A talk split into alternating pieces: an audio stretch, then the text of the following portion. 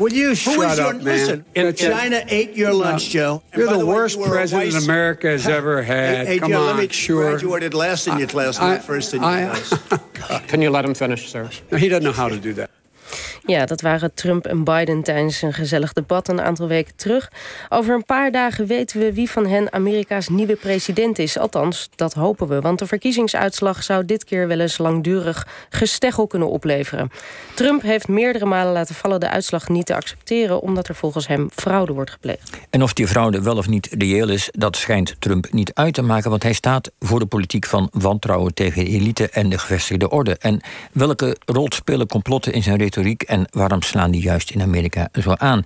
Bij ons via een lijntje Amerika kennen en journalist Casper Thomas. Aan de andere kant van de wereld zit hij nu in de Verenigde Staten. En hij is voor ons zo aardig geweest om op te staan, als ik het goed heb.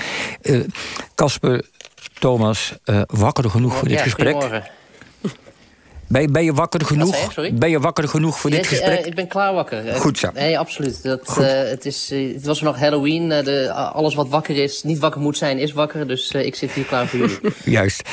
De verkiezingen worden nu al historisch genoemd. Waarom? nou, omdat A, natuurlijk er ontzettend veel op het spel staat. Het Trump-presidentschap was een, een, van, een, van, een, van een waanzinnigheid... die Amerika en de wereld eigenlijk nog nooit heeft meegemaakt. En de vraag is dan, gaat dat door? En het wordt nog eens een keer extra historisch en extra belangrijk. Jullie hadden het er net al even over. Ehm, gaan we op een rustige manier eh, de uitslag krijgen? Trump heeft van tevoren gezegd... ik ga de uitslag misschien wel niet erkennen. Eh, er wordt nu al wantrouwen gezaaid over of de uitslag wel betrouwbaar is... of alle stemmen inderdaad wel geldig zijn. Dus we zitten hier eigenlijk in Amerika met een enorme onzekerheid... over of we straks op 3 november eh, gewoon een keurig resultaat van, eh, van verkiezingen gaan krijgen. Ja, en die verdeeldheid lijkt nog nooit zo groot geweest. En er zijn zelfs mensen die vrezen voor een, een burgeroorlog. De wapenhandel is ook enorm gestegen. Did you ever think that you would find yourself in line buying a gun? No, never crossed my mind until the election came up. People are scared. It feels like a life and death situation, really. I think if Biden wins, the you know the Proud Boys are going to come out. If Trump wins, I think that's where we're going to have a massive problem. We just don't know who's going to be president and what's going to happen afterwards, you know. Ja, van beide zijden zijn mensen dus echt bang, blijkbaar. Is dat een reële angst, een, een burgeroorlog? Nou, ik, ik vind het, dit, is lastig te zeggen. Ik, ik heb niet de indruk dat dat, eh, dat, dat, op, dat op uitbreken staat. En dat is ook wel eh, misschien gezond om dat, om dat met enige, enige sceptisch te benaderen. Kijk, er zit hele grote spanning in de Amerikaanse maatschappij momenteel. En Amerika is en blijft een land met enorm veel wapens. En dat, die combinatie is altijd explosief.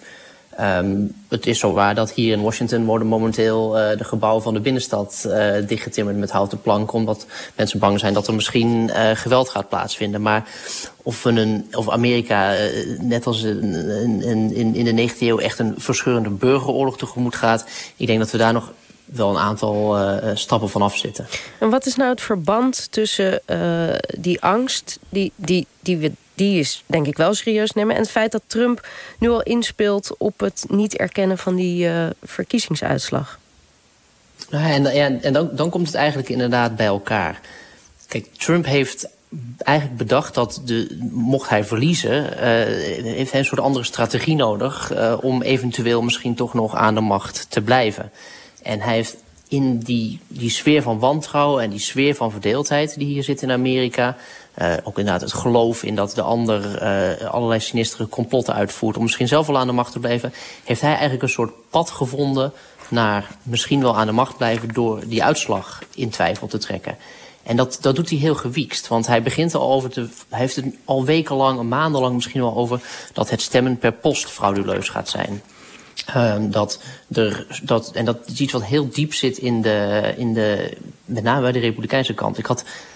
Toen ik hier nog niet zo lang was, ging ik op een gegeven moment een keer stemmers interviewen. Ik zeg, nou gewoon, waarom hebben jullie nou op, uh, op Trump gestemd?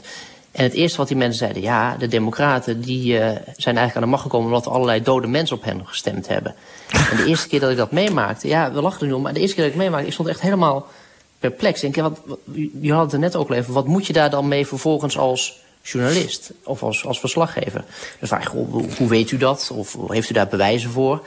En dan bedoel, dan wordt het vaak een lang gesprek. En uh, ja, bedoel, er, is geen, er is geen bewijs voor. Er, dus het is, een, het, is een, het is een fantasie, het is een complot. En Maar Trump laat zich dat ook wel aanleunen, toch? Want bijvoorbeeld ook als er wordt gevraagd van... god, eh, je hebt veel QAnon-aanhangers. dan zegt hij, ja, ze houden blijkbaar van me.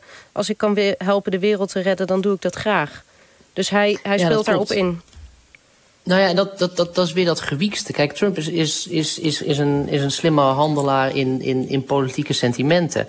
En op het moment dat hij doorheeft dat er eh, een, een linkje zit tussen steun voor hem en, en een bepaalde vorm van inderdaad wild fantasiedenken, dan ah, leunt hij dat, laat zich dat een beetje aanleunen. Hij spreekt, het niet echt, hij spreekt zich niet echt er tegenuit. Hij omarmt het ook niet echt heel erg expliciet. Maar hij twittert bijvoorbeeld wel dingen door. En zo op die manier probeert hij een beetje op de, op de grens van dat complotdenken en de realiteit te balanceren. Omdat hij daar gewoon politiek gewin uit kan halen. Nu, nu wordt Trump gezien als een uniek verschijnsel. Maar dat zeg maar meeliften op complotdenken... en dat complotdenken als zodanig, het wantrouwen... hoe diep zit dat in Amerika verankerd? Is dat diep verankerd?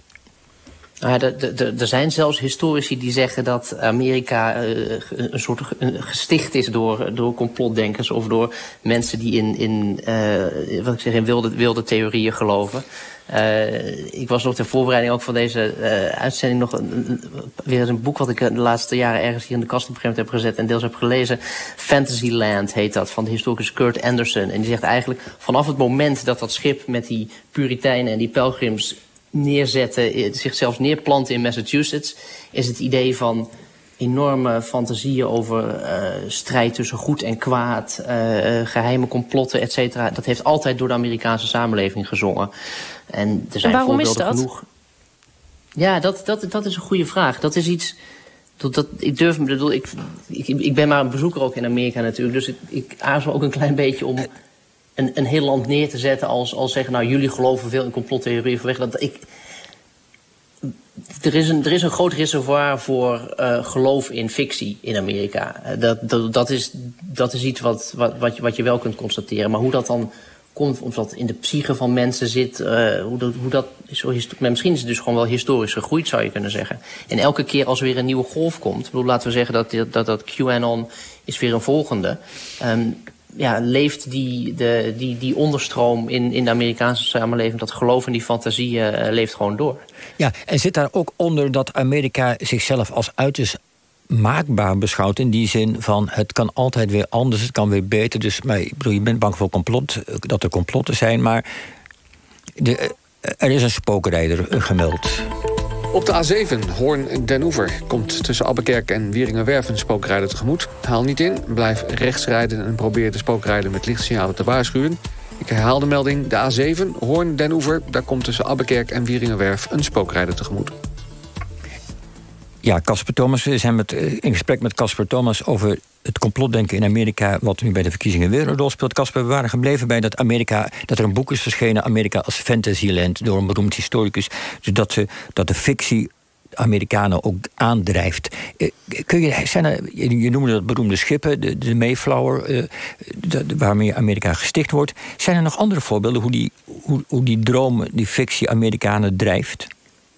Ja, nou, je kunt door de geschiedenis heen dingen aanwijzen. Je had de, de, Salem Witch Trials in eh, eh, 1692, eh, een grote heksenjacht. Wat eigenlijk ook gebaseerd was op, eh, op, een, op een complot, of het, het geloof in complotten. Dus tijdelang zijn, is er geloof geweest in de 19e eeuw over katholieke invasies eh, in Amerika. In de jaren 50 eh, was er een grote overspannenheid over eh, communistische ondermijning, eh McCarthyism, eh, wat, wat we allemaal nog wel kennen uit de geschiedenisboeken. Dus het idee dat er ergens iets gaande is wat zich buiten het zicht afspeelt en Amerika ondermijnt, is eigenlijk een soort rode draad door de geschiedenis hier. En het enige wat gewoon echt nieuw is nu, is dat de, een, een, een verlengstuk daarvan, een politiek verlengstuk daarvan, in het Witte Huis zit. Want wat we niet moeten vergeten, kijk, Trump is natuurlijk altijd iemand geweest die heeft gebruik gemaakt van complottheorieën om zichzelf aan de macht uh, te helpen. Hij is een politieke campagne begonnen door de, de, de fantasie aan te wakkeren dat uh, Obama op een of andere manier geen legitieme president was, omdat hij niet in Amerika geboren zou zijn. Hij heeft zijn politieke rivaal tijdens de Republikeinse voorverkiezingen, Ted Cruz, uh, daar heeft, hij gesuggereerd dat de vader van Ted Cruz op de een of andere manier te maken had met de moord op Kennedy. Een van de andere uh, klassieke complottheorieën natuurlijk in Amerika. Dus ja, Trump is, die heeft daar gewoon politiek munt uit weten te slaan eigenlijk. Maar hij maakt dus eigenlijk gebruik van iets wat er al, wat er al in zit in Amerika. Dus dat gevoel voor storytelling, voor fictie, voor mooie verhalen. Ik geloof dat Henry Kissinger ooit nog tegen Oriana Fallaci heeft gezegd... ik ben de cowboy op een paard die voor de troepen uitrijdt. Um, maar Trump voert dat nog een beetje verder en, en, en gaat dus gaat eigenlijk nog verder op dat idee. Ja, ik denk dat het, het idee van, van politiek als fictie of als verhaal, als spektakel, dat, dat heeft natuurlijk ook wel iets aantrekkelijks. En, en daar is Amerika heel goed in.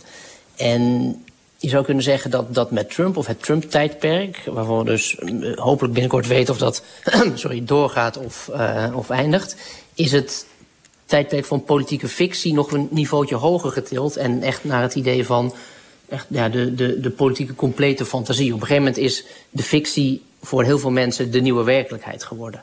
En dat is, in die zin is Amerika wel echt een nieuwe fase ingegaan. Ja, en wij kunnen ons dat zo moeilijk voorstellen eigenlijk. Hè? Hier in, in het, hoewel wij natuurlijk de hele dag al, de hele ochtend over complottheorieën hebben gepraat. Dus we schuiven ook een beetje die kant op. Maar we kunnen het ons moeilijk voorstellen. Maar hoe gaat het nu Durf jij iets te voorspellen voor aanstaande woensdag? Hoe gaat als, als, als Trump het niet haalt, uh, zijn we dan van dat complotdenken af in Amerika?